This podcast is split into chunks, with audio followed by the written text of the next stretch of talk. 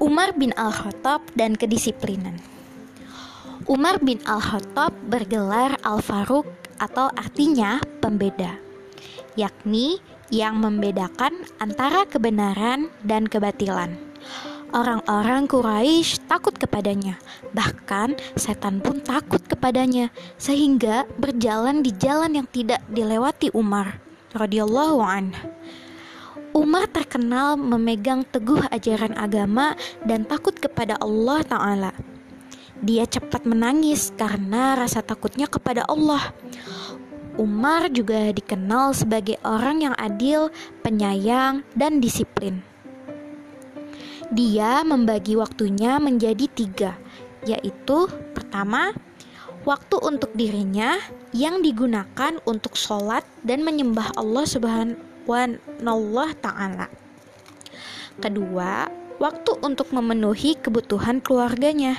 Dan ketiga, dan inilah mayoritas waktunya ia habiskan untuk kemaslahatan kaum muslimin karena dia adalah Amirul Mukminin. Umar radhiyallahu an mengatur daulah negara Islam ia adalah orang yang pertama kali menyusun penanggalan tahun Hijriyah dan orang yang pertama kali menulis nama-nama tentara untuk membagikan gaji bulanan mereka. Pada masanya, banyak terjadi penaklukan atau perluasan wilayah. Ia adalah orang yang pertama kali mendirikan Baitul Mal da untuk kepentingan kaum muslimin.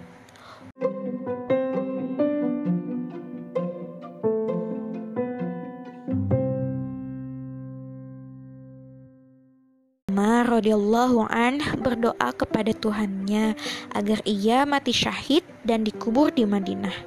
Maka doanya dikabulkan dan ia pun mati syahid di Madinah.